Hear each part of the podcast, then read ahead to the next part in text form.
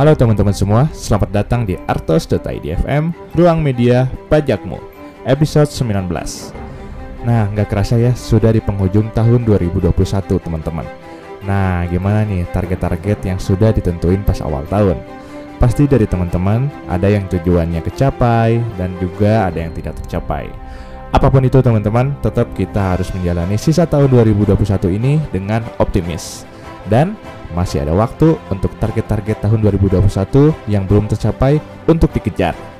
Semangat ya teman-teman.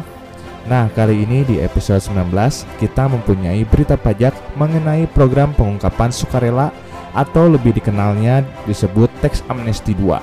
Nah, di mana merupakan kesempatan bagi pengemplang pajak untuk mengungkapkan asetnya bagi pengemplang pajak yang tak ikut tax amnesty 2 akan bayar denda 200%. Lalu di sesi podcast kita akan sharing terkait Undang-Undang Harmoni Peraturan Perpajakan yaitu perubahan barang yang dikecualikan dari pengenaan PPN. Dan yang terakhir, seperti biasa teman-teman, pada sesi Q&A pajak, kita akan bacain pertanyaan-pertanyaan yang masuk ke WhatsApp artos.id di 081292984203. Mari kita langsung masuk ke berita pajak.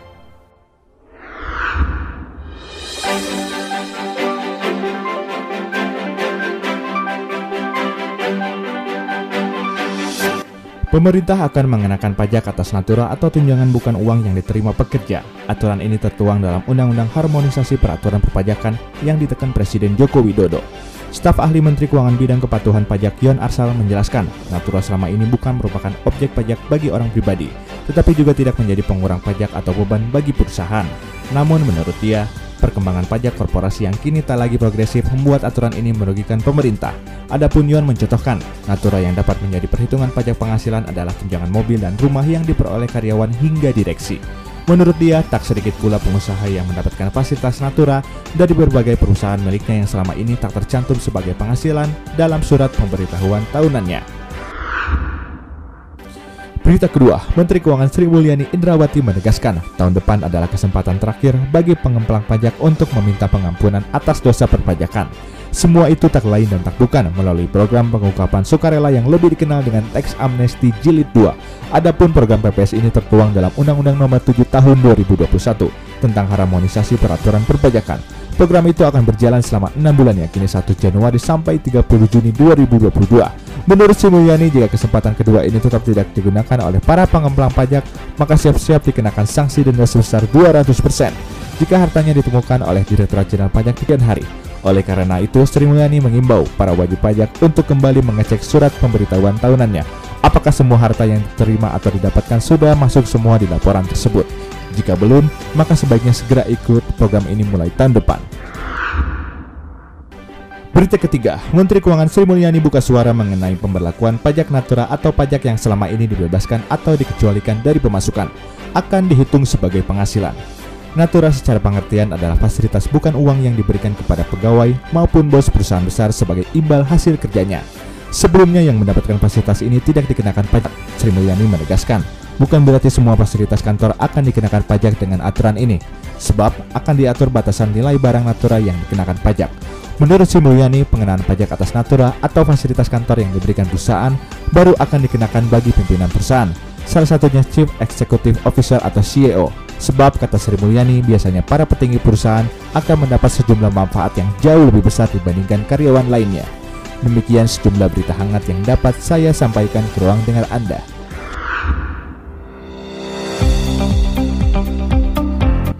Nah, di podcast pajak artos.idfm episode ke-19 ini kita akan uh, masih sharing mengenai undang-undang harmonisasi perpajakan. Nah, yang akan kita sharing ini mengenai bidang PPN, teman. Salah satunya adalah terkait penghapusan dan perubahan barang yang dikenakan PPN. Nah, apakah teman-teman tahu tujuan pengaturan kembali terkait dengan barang dan jasa yang dikenakan PPN itu untuk apa gitu? Nah, jadi aturan ini dibuat agar lebih mencerminkan keadilan dan tepat sasaran, serta dengan tetap menjaga kepentingan masyarakat dan dunia usaha, sehingga usaha negara dalam mengoptimalisasi penerimaan negara tetap mewujudkan sistem perpajakan yang berkeadilan dan berkepastian hukum. Nah, salah satunya yaitu pada undang-undang harmonis harmonisasi perpajakan uh, ternyata undang-undang tersebut menghapus beberapa aturan teman-teman pada pasal 4 ayat 2 undang-undang PPN terkait dengan barang yang dikecualikan dari pengenaan PPN. Nah, yaitu yang pertama, barang pertambangan atau pengeboran yang diambil langsung dari sumbernya. Jadi contohnya kayak batu bara, emas, besi, dan lain-lain gitu ya, barang pertambangan pokoknya teman-teman. Maka sekarang itu dikenakan PPN karena sudah dihapus dalam daftar barang yang dikecualikan dari pengenaan PPN. Nah, lalu ini yang rame dibicarakan ya teman-teman. Barang yang kedua yang dihapus dari daftar barang yang dikecualikan dari pengenaan PPN yaitu terkait barang kebutuhan pokok yang sangat dibutuhkan oleh rakyat banyak teman-teman. Nah, contohnya barang tersebut yaitu ya terutama beras, daging, telur, dan kebutuhan pokok lainnya ya, pokok uh, makanan rakyat banyak, ternyata dihapuskan dari barang yang dikecualikan dari pengenaan PPN. Sehingga nantinya barang-barang tersebut maka dikenakan PPN. Nah, pertanyaannya adalah apakah aturan terkait barang kebutuhan pokok ini akan memberatkan masyarakat, terutama bagi masyarakat berpenghasilan menengah dan kecil. Ternyata enggak juga teman-teman. Kenapa? Karena pemerintah akan mengatur melalui peraturan tersendiri terkait kebutuhan pokok mana yang ditujukan bagi masyarakat berpenghasilan kecil, menengah, dan juga tinggi. Jadi nanti akan diatur bagi masyarakat selain berpenghasilan tinggi, yaitu kecil dan menengah, maka kebutuhan pokoknya akan dibebaskan dari pengenaan PPN. Sehingga pengenaan PPN terhadap kebutuhan pokok hanya diperuntukkan bagi masyarakat berpenghasilan tinggi. Nah, jadi gitu teman-teman. Nah, selain menghapus beberapa barang yang dikecualikan dari pengenaan PPN, ternyata Undang-Undang Harmonisasi Perpajakan merubah definisi beberapa barang yang dikecualikan dari pengenaan PPN, teman-teman yaitu yang pertama pada pasal 4 ayat 2 Undang-Undang PPN terkait definisi makanan dan minuman yang disajikan di hotel, restoran, rumah makan, warung atau yang disajikan oleh uh, pengusaha jasa boga atau usaha catering dan sejenisnya. Nah, pada ayat tersebut ditambahkan beberapa kalimat teman-teman, yaitu kalimatnya jadi gini. Barang tersebut merupakan objek pajak daerah dan restribusi daerah. Nah, jadi gini artinya perubahan definisi tersebut.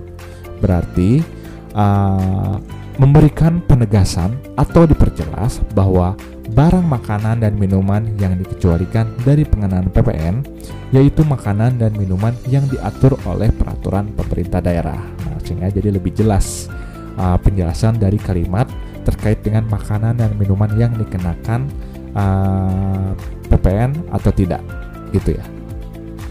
Nah, yang kedua, terkait barang yang diubah definisinya oleh Undang-Undang Harmonisasi Perpajakan yaitu terkait pada ayat barang berupa emas batangan teman-teman. Nah, di mana adanya penambahan kalimat pada emas batangan tersebut yaitu jadi gini kalimatnya. Ditambahkan bahwa uh, emas batangan yang dikecualikan uh, dari pengenaan PPN yaitu untuk kepentingan cadangan devisa negara. Nah, jadi artinya uh, memberikan penegasan atau diperjelas bahwa barang berupa emas batangan yang dikecualikan dari pengenaan PPN yaitu emas batangan untuk kepentingan cadangan devisa negara saja yang tidak dikenakan PPN. Nah, jadi itu teman-teman update terbaru Undang-Undang Harmonisasi Perpajakan terkait barang yang dikecualikan dari pengenaan PPN. Semoga dapat bermanfaat untuk teman-teman dalam memahami peraturan Undang-Undang Pajak terbaru ini.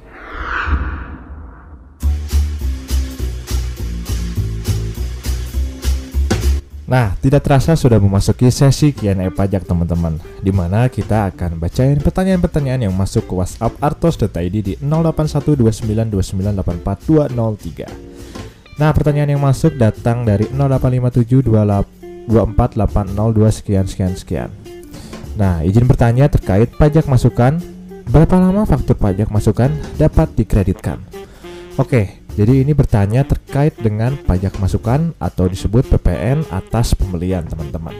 Nah, ketika kita membeli sesuatu ke pengusaha kena pajak, pada saat membayar, maka teman-teman akan mendapatkan tagihan atau invoice yang akan dilampiri dengan faktur pajak.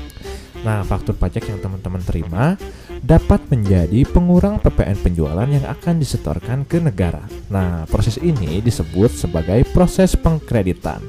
Nah, proses pengkreditan ini ada batas waktunya teman-teman. Jadi, faktur pajak yang teman-teman terima pada saat pembelian dapat dikreditkan dengan PPN penjualan paling lama 3 bulan setelah bulan penerbitan faktur pajak.